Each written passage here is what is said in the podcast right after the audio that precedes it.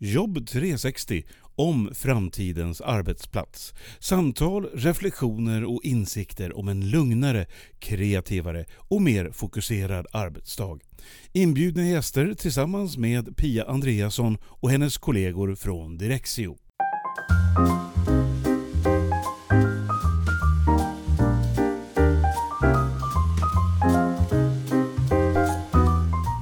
Något som det pratas mycket om nu är HRs roll i framtidens kontor. Hur kommer det att bli när människor kommer tillbaka till kontoret? Och vad är det HR behöver göra för att se till att det funkar bra för alla? Det blir helt nya tankegångar och helt nya sätt att jobba och fungera tillsammans. Så vad behöver HR bidra med i detta? Det har gjort mig ganska nyfiken så jag tänkte att jag tar reda på någon som vet lite mer om det här med HRs roll och hur de ska jobba och kan ha lite tankar om framtiden. Så jag pratade med Stefan Tengblad och han har mycket intressanta saker att berätta.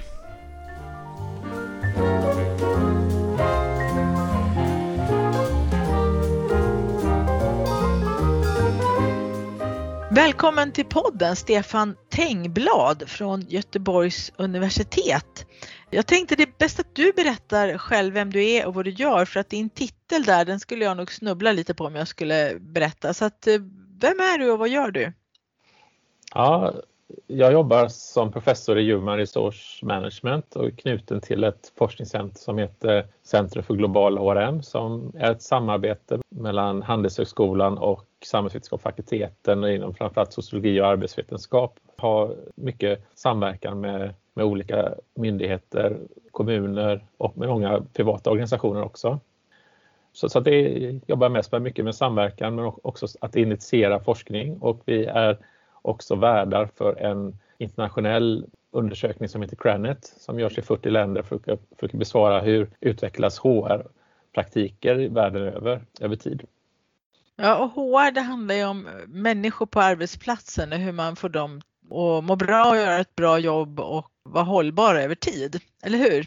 Ja, och lite annat också antar jag. Du har skrivit en bok tillsammans med tre andra författare som inom det här området då, som heter Chefskap, ledarskap och medarbetarskap och hur det är kopplat här till era områden.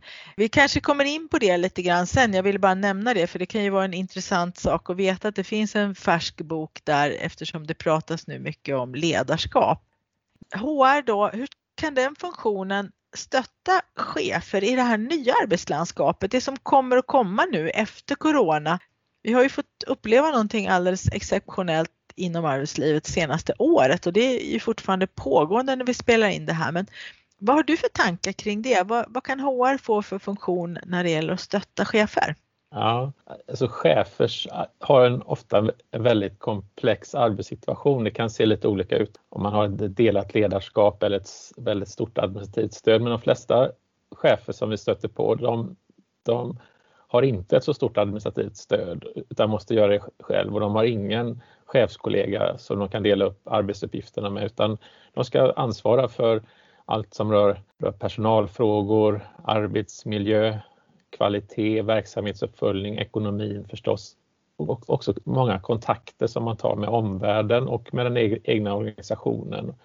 Det där gör att man måste bli lite grann av en tusenkonstnär som chef och det är väl någonting som vi tycker när vi skrev den här boken som du nämnde att man ibland missar då, att man tänker sig att chefen ska vara en ledare. Och så kanske att man tycker att det är inte en så jättebra chef, för den här chefen är ingen riktig ledare. Men då tänker man inte på de förutsättningarna som den chefen kanske haft. Att det finns nästan ingen tid alls att utöva ledarskap när det är så mycket annat som ska göras med ditten och datten som man förväntas göra som chef, attestera fakturor eller, eller, eller, eller jobba med den här verksamhetsplanen eller kvalitetsuppföljningen eller arbetsmiljöenkäten eller så vidare, lönesamtalet. Eh, och HR kan ju stötta cheferna mycket genom att visa lite grann hur kan man göra och också bidra till att det blir ett lärande att cheferna får reflektera över sin situation, vad det som fungerar, vad som fungerar mindre bra. Finns det några intressanta kunskapsresultat som, som kan utveckla deras ledarskap? Då? Så att HR har en nyckelroll här tycker jag. En sak som jag har tänkt på också när du berättar om det här med cheferna det är att många chefer har ju så många människor som de är chef för och jag har ju ibland när jag har utbildat inom mitt område då träffat chefer och frågat dem eh, hur, hur många människor de har. Det kan vara 20 personer eller mer som de ansvarar för. Och då brukar jag fråga dem, fick du veta någonting när du tog det här jobbet eller när de frågade dig om du ville ha jobbet, hur mycket tid du skulle lägga på var och en medarbetare för att backa upp dem? Nej, det hade det inte pratats om så ofta i alla fall och då frågar jag vad tycker du själv är rimligt? Och så börjar de räkna på fingrarna och så inser de då att om jag har 20 personer och var och en bara ska få kanske 20-30 minuter med mig per vecka mm. så går ju halva min arbetstid. Mm. Och, och, då inser de ofta, för jag hjälper människor att reflektera över sin arbetstid och vad de ska lägga sina timmar på, att eh, det är inte rimligt. Man bör ju ha kanske någon liten mera stund med sin chef för det ska man reflektera över själva arbetsuppgifterna och, och, lära sig och få stöd där och sen ska man också få stöd som medarbetare att känna att man tillhör en grupp och så vidare. Och så vidare. Så att ibland har jag faktiskt eh, fått chefer som har eh, gått och sagt upp sig när de har påpekat att jag kan inte vara chef för 20 personer och dessutom debitera 50% av min arbetstid. Det går inte. Och, och så har de bytt jobb. Eh, så jag förstår vad du menar. När HR då ska göra det här som du säger att stötta mera, finns det någonting i den verktygslåda de har idag som du tänker att de behöver lägga till? Jag tycker kanske att det viktigaste HR-stödet är väl att hantera olika typer av personalfrågor och det man möjligen skulle kunna önska att HR kunde, kunde bistå lite mer med om det finns resurser men ofta så har HR samma problematik, att de har också väldigt många chefer som de ska stötta och inte har så mycket tid att kanske stötta en enskild chef. Många gånger, inte alltid. Men det är väl annars man skulle önska lite, lite grann att, att jobba med utvecklingsfrågorna och verksamhetsutveckling lite, lite mer. Att där finns det mycket att göra där HR kanske har en kompetens och, och bidrag, kunna bidra med då när det gäller kunskap om arbetsformer, organisationsformer, man kan jobba med utveckla medarbetarskap, man kan jobba med lite mer självstyrande team och hur man kan jobba med, med verksamhetsutveckling när det gäller kvalitetsuppföljning och, och så vidare. Ehm, HR är också den som lite, lite grann som håller ihop eh, det här så det kanske finns centrala program, ledningen som har tagit fram att så här ska organisationen fungera, så här ska ledarskapet fungera, så här ska medarbetarskapet se ut det är inte alltid att den överordnade chefen är, är den som har den förmågan att förmedla det vidare till sina chefer för de också kan ha väldigt mycket annat att syssla med. Så där kan HR komma in där lite, lite grann som att hjälpa cheferna att göra det här som de har kommit kanske uppifrån att det här ska organisationen jobba med. Då. Det jag hör att du säger är att du tänker att HR skulle kunna spana lite mer utåt. Vad är det för någonting som finns som skulle kunna hjälpa till i min organisation? Och kanske också ha funderingar på att det finns olika delar av organisationen och som kan behöva olika saker.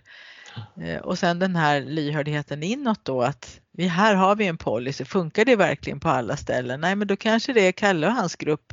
Eh, där kanske Kalle är en väldigt, väldigt duktig specialist och han kan behöva extra stöd i att implementera de här andra delarna då som det är tänkt att det ska göras. Så att mera stretcha både utåt och inåt. Är det där du tänker? Ja, jag, har ju haft ett tidigare forskningsprojekt där vi har studerat framgångsrika idrottsklubbar och, eh, som når SM-guld och sånt där. Och det som är tydligt där det är, det är ju dels att det finns coacher där, väldigt mycket coacher som har en idé om vad det är som behöver utvecklas och så sen tränar detta regelbundet och också att de som blir tränare får regelbunden feedback på det man gör. Liksom. Och det här med coaching och, och, träning och förbättring och feedback, det hinns oftast inte, ofta inte med i arbetslivet så att, det, så att man lär sig lite, kanske lite på den hårda vägen. Efter så småningom så kommer man på vissa saker som, som är bra att tänka på men man kanske inte når sin förmåga och, bli så bra som man skulle kunna bli ifall man hade blivit föremål för, för en målmedveten coaching. Då. Och det, det kan vara en möjlighet för, för HR att vara med och coacha cheferna och verksamheter på det sättet. Då tänker jag faktiskt på den här unga killen Armand Duplantis som hoppar så bra stavhopp som man läste om här nyligen när vi spelade in det här. Jag har hört om honom att när han har hoppat då spelar hans mamma, som då är hans tränare, också in hoppet. Och efter varje hopp så springer han genast till henne och då tittar de på just det hoppet precis när han har gjort det och så pratar de om vad som hände och om det finns något som kan förbättras. Och det vore väl kanske ett drömläge för en chef ute inom verksamhet att man gör någonting och så kan man genast gå till HR och få omedelbar feedback på det man har gjort. Det är väl en dröm? Eller vad säger du Stefan? Ja, jo precis. Det intressanta är men om det är viktigt med, med hög prestation i en viss verksamhet så, så behöver man skapa sådana feedbackloopar. Även om man kanske inte har någon som observerar hela tiden så kan man ändå ha en regelbunden dialog där man berättar om sina erfarenheter och kanske ibland att någon är med och observerar också liksom för att få för att få en blick om är det någonting som chefen kan tänka på här och göra annorlunda för att nå ett bättre resultat. Så mera feedbackinriktat och, och, lite mer lyhördhet både utåt i verkligheten och inåt i, i verksamheten. Mm. Kanske vi ska sammanfatta den. Men utav allt det som HR har gjort då, man tänker på bakåt i tiden, är det någonting som de får eh, hoppa ner några snäpp med nu på sin, i sin agenda? Att någonting som har varit viktigt förut kanske är, blir mindre viktigt i framtiden? Kan du se någonting sånt? Inte kanske så tydligt att man ska sluta med det men däremot kan man tänka sig att vissa arbetsuppgifter som är mer personaladministrativa, att man kan hitta bättre IT-stöd kring det, till exempel med rekrytering och andra eh, aktiviteter. Ehm, men eh, inget som jag kan säga liksom, det här ska vi sluta med liksom, för det där, det där är fel. Liksom. Något sådant exempel har jag kanske inte hittat ännu. Ja, det finns ju sådana här, man tittar bakåt i tiden så löneadministration och tidrapportering och även det du är inne på rekrytering. Där finns det ju redskap som man kan ta hjälp av så det kanske är gjort sånt redan innan vi hamnar i det här läget nu när kanske förväntningarna på HR kommer bli väldigt stora framåt.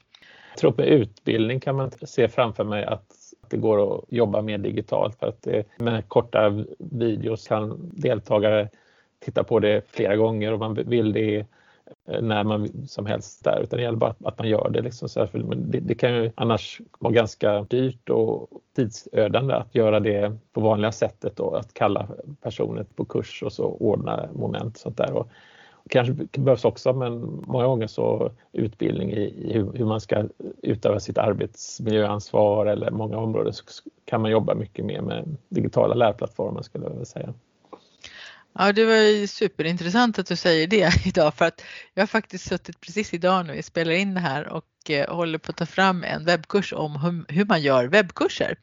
I och med att jag har lagt till det i mitt utbud sedan länge och just därför som du säger att jag har ju träffat deltagare fysiskt och nu senaste året så blir det ju digitalt då, men också sett det här behovet av att kunna gå tillbaka till kunskapen och repetera delar.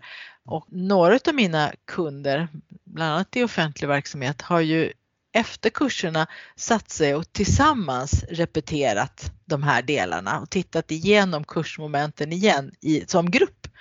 Och då tänker jag att då, då kommer de verkligen att landa någonting för att det kanske då andra gången de tittar igenom de här sakerna som jag har lärt ut som, som tankarna kommer igång och de tillsammans kan börja reflektera hur ska vi anamma det här då? Eh, på tal om det som du var inne också det här med agila arbetssätt att lära sig och vara mera flexibel i arbetssätten. Så det tyckte jag var en superintressant tankegång. Jag tänkte på den här boken då som ni satt och skrev nu när du tänker tillbaka på den, är det någonting i, det som ni hade med då i tankegångarna som känns väldigt specifikt aktuellt nu framåt? Var ni lite kloka i förväg om man säger så? Ja, det är en bra fråga. Jag, jag tror att när man skriver en sån här bok så vill man att den ska vara forskningsbaserad och då faller den tillbaka på en omfattande kunskap som har genererats under många år som man kanske inte ändrar på så där direkt bara för att nu har det hänt en pandemi eller, eller något sånt där.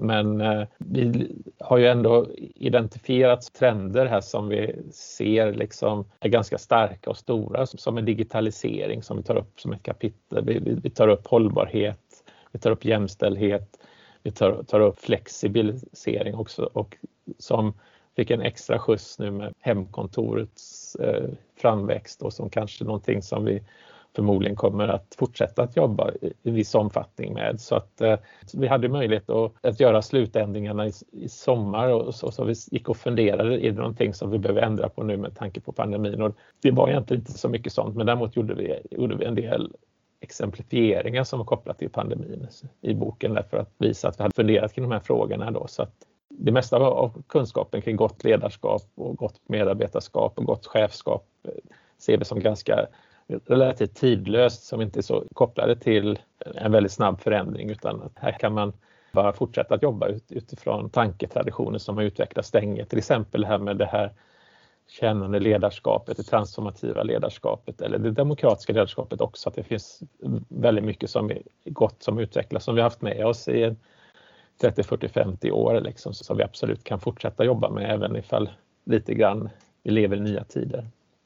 Ja, det låter ju bra. Så man lyssnar på det här nu och är chef eller har en chef eller kanske har varit chef någon gång så kan man ändå känna att det som jag har med mig när det gäller det här med ledarskap sen förut, det är fortfarande användbart här nu fastän det har ändrat sig och blivit de här två bitarna som ni är inne på mera flexibelt mm. och också att digitaliseringen har tagit väldigt stor fart. Men oaktat det så funkar det här goda ledarskapet och chefskapet på samma sätt som innan om man säger så. Det är bara att tuffa vidare med samma insikter.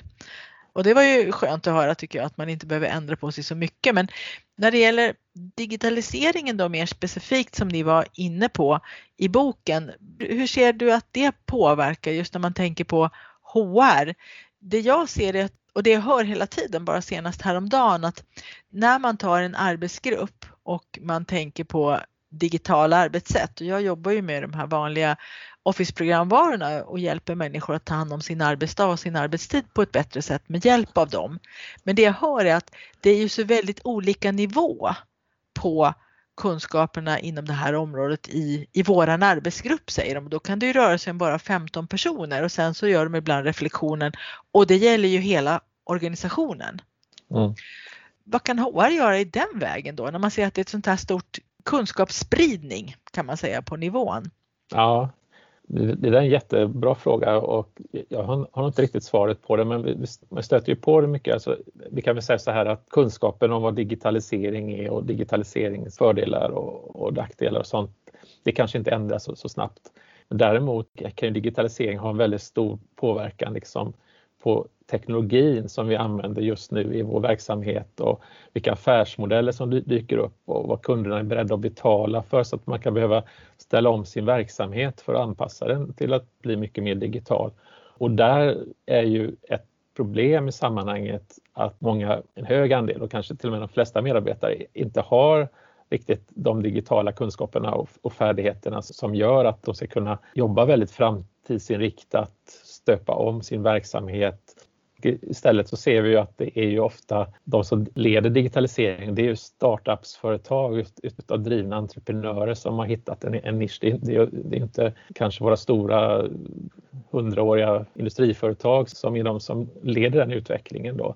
Så det visar att det är ganska svåra frågor men även även de som behöver anpassa sig till den här nya tekniken och där behöver HR tillsammans med organisationen jobba med kompetensutvecklingen på ett väldigt strategiskt sätt. Och det handlar inte bara om att utveckla personer utan det handlar också om att rekrytera personer som har de här kunskaperna och, och, och kanske också avveckla eller minska andelen medarbetare som på något sätt har svårt att hänga med i den digitala utvecklingen. Där finns det ju faktiskt insatser man kan göra just om man, har, man vill jämna ut det här för att eh, jag har jobbat en del med omställningsfonden och eh, de hjälper ju offentlig sektor med just det här att människor ska kunna fortsätta vara anställningsbara och då bland annat inom den digitala delen av arbetet att inte känna att man halkar efter där. Det jag hör att det är väldigt olika. Vissa offentliga arbetsgivare då som jag har pratat med, framförallt kommuner, där på vissa ställen har det varit så nu att de har tyckt att nej men du får åka in till kontoret och jobba om du inte har symptom. Det är så vi tänker oss.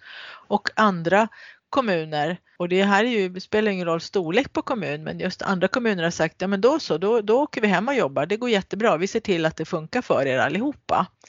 Och då tänker man ju att bor man i Sverige så ska det vara likvärdigt men det kan man ju förstå att har man tjänstemän som får två så olika instruktioner kanske och bor bara två kilometer ifrån varandra. En tjänsteman jobbar i ena kommunen och förväntas åka dit.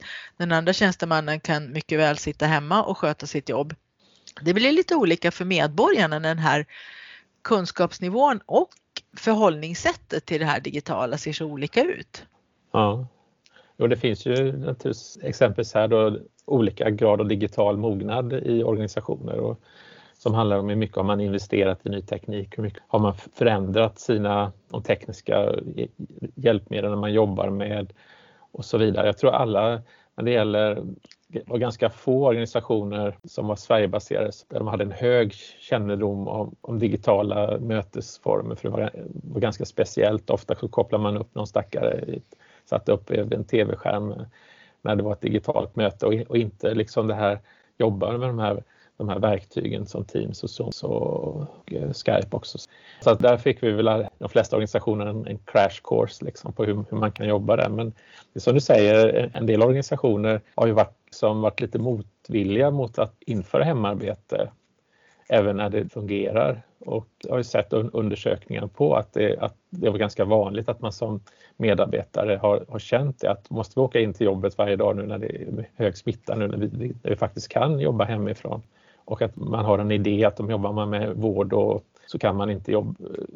Och det stämmer ju inte riktigt för många av arbetsuppgifterna inom vården kanske är administrativa och som kanske dokumentation och man ska, man ska läsa in sig på olika saker som låter sig väl göras hemma som på jobb på kontoret eller sjukhuset. Så att där kan det finnas en tröghet hos en del organisationer att, att anamma det här mer flexibla, friare eh, hemarbets, distansarbetet. Då. Och de här organisationer som har gjort det har det ju nästan uteslutande jag hört har det gått bra för. Liksom. Det har inte varit några större problem att medarbetarna jobbar hemma mycket. Ja, vi har ju det inom vården som du nämnde, de här startups och sånt, att det är de som driver på den här utvecklingen och inom vården har vi de här läkarapparna då som funkar alldeles utmärkt. Jag kontaktade själv via min vanliga vårdcentral en sjukgymnast och chattade med henne och fick mm. väldigt goda råd för jag hade vrickat lillfingret. Det låter ju jättekonstigt men lillfingret råkade fastna på ett ställe dit min kropp inte var på väg. Och det, lillfingret är ju litet då så att det vart väldigt tokigt. Jag tänkte jag kan ju inte gå till vårdcentralen som det ser ut nu med en sån grej. Jag kunde fortfarande röra fingret, det var inget brutet. Men jag behövde ändå råd och det klarade vi via en chatt. Mm. Så att jag behövde ju inte alls ta upp någon tid på det sättet och gå dit och, och just att se att i, även inom vården finns det mycket att hämta med det digitala arbetssättet. Mm. Men eh, jag har en liten brandfackla där som jag tänkte slänga in på slutet här får vi se om, om du kan bidra där.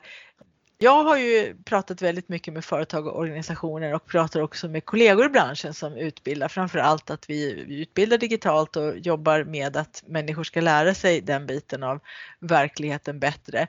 Och det jag har och det jag upplevt själv är att HR, personalavdelningar och människor som har ansvar för det här, de är ofta sist på bollen när det gäller digitala. Jag utbildar inom det här, det är ingen idé nästan för mig att prata med någon eh, personalchef med några få lysande undantag måste jag ju då säga faktiskt. Ligger det här någonting i vilka personer det är som jobbar med de här frågorna eller är det mera inom organisationsstrukturen, att man inte låter dem göra det eller förväntar sig. Vad är kärnan här i det här som vi upplever, eller stämmer det överhuvudtaget inte? Du kanske kan vedlägga ja, det här att det inte stämmer, men vad är din tanke där? Ja, jag har inte sett någon forskning kring det egentligen eller som jämför olika funktioner och hur inställda de är till IT och, och digitalisering. Men det, det, är klart att man har ju utbildat sig inom HR väldigt mycket mot beteendevetenskap och mot att lära sig att förstå människor och inte så mycket att lära sig och förstå teknik. Och det är nog sant att de, väldigt många som jobbar inom HR de har ett stort människointresse snarare än att de har ett stort teknikintresse. Jag tror kanske att de som har stort teknikintresse kanske är de som köper den nya mobiltelefonen och, och lär sig alla funktioner som finns i den snarare än, då än att man kanske lite grann gör så, så som andra gör eller som man har gjort tidigare. Så att det är nog sant att HR ofta inte går i bräschen när det gäller ny teknik. Då. Samtidigt som att det finns också undantag liksom, där, där man kanske också finns ett krav på HR att jobba mycket digitalt och, och vara i framkant i de här frågorna. Men det, det kräver nog en drivande personalchef eller motsvarande i så fall för att, för att få till en sån förändring. Den, den, kanske, den kommer nog inte av sig själv. Nej, det, jag har ju ofta tänkt på att det är nog tudelat. Jag tror att HR skulle kunna om de tänkte sig in i det. Jag tror också att organisationerna skulle kunna säga att vi skulle vilja att ni gör det här. Och då skulle de också vara kapabla. Så att, mm. att de kan komma från varsitt håll där och mötas därför att, att behoven finns ute i verkligheten att utvecklas både inom det här området som jag jobbar med då, men sen också här med, med framtidens arbetsplats. Bara det som du var inne på nyss, hur ska vi göra när vi, när vi, får, när vi inte kan motivera människor att komma in till kontoret när de säger att nej men jag tar hem min dator, jag jobbar lika bra hemma, jag behöver bara koppla upp mig. Hur hanterar man det?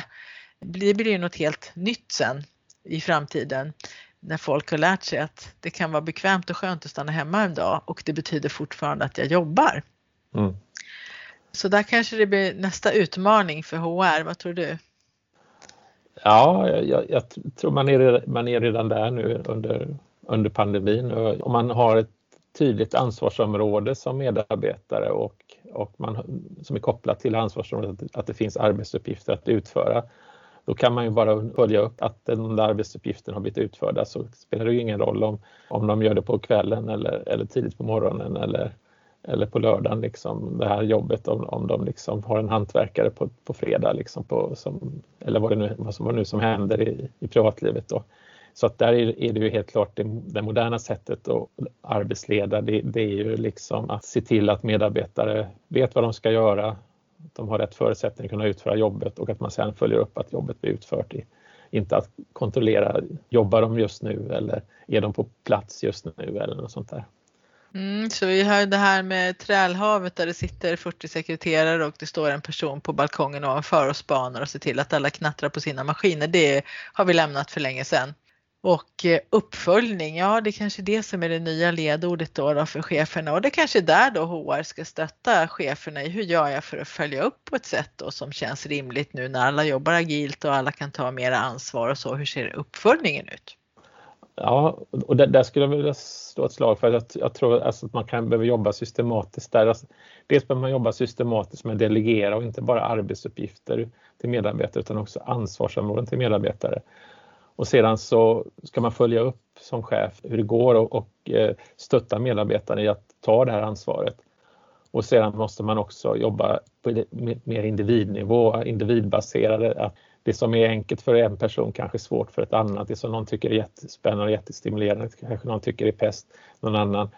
Eh, vad, vad, som är lagom mycket ansvar kan skilja sig väldigt mycket åt för medarbetare så, så att man liksom anpassar sig lite grann efter medarbetarnas intressen och förmågor. För då får man ett bättre resultat än om man försöker leda något slags genomsnittligt hur genomsnittsmedarbetaren är. Och, och där kan man ju koppla tillbaka det. Har man alldeles för väldigt många medarbetare så är det väldigt svårt. Men har man tio medarbetare så är det fullt möjligt att man lär sig de här tio medarbetarna väldigt bra, vilka de är och vad de har för starka och svaga sidor och, och hjälper dem att utvecklas i sitt arbete. Ja, det där tycker jag låter som en väldigt bra slutkläm faktiskt på det här samtalet och att det är där som HR kanske behöver stötta cheferna då att ta det här individanpassade ledarskapet för att vi ska kunna samarbeta bra i framtiden i organisationerna. Så att jag får tacka dig Stefan för det här samtalet. Det var väldigt intressant att få höra och man får ju läsa eran bok där då om man vill veta mer om vad ni har kommit fram till chefskap, ledarskap och medarbetarskap. Mm. Tack så mycket. Ja, tack, tack. Hej. Mm. Hej.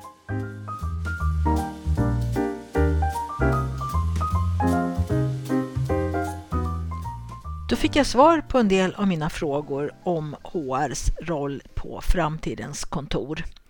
Och sen fick jag också en förklaring till det här som jag har undrat över. Det här med HR och digitaliseringen där väldigt många människor pratar nu om att HR behöver kliva in och se medarbetarnas behov inom det området i och med att så många olika delar av arbetslivet blir digitala nu mycket mer och i en allt snabbare takt. Så jag och många med mig hoppas på att HR kan kliva in och bli mer aktiva på det området. Tack för att du lyssnar på Jobb 360.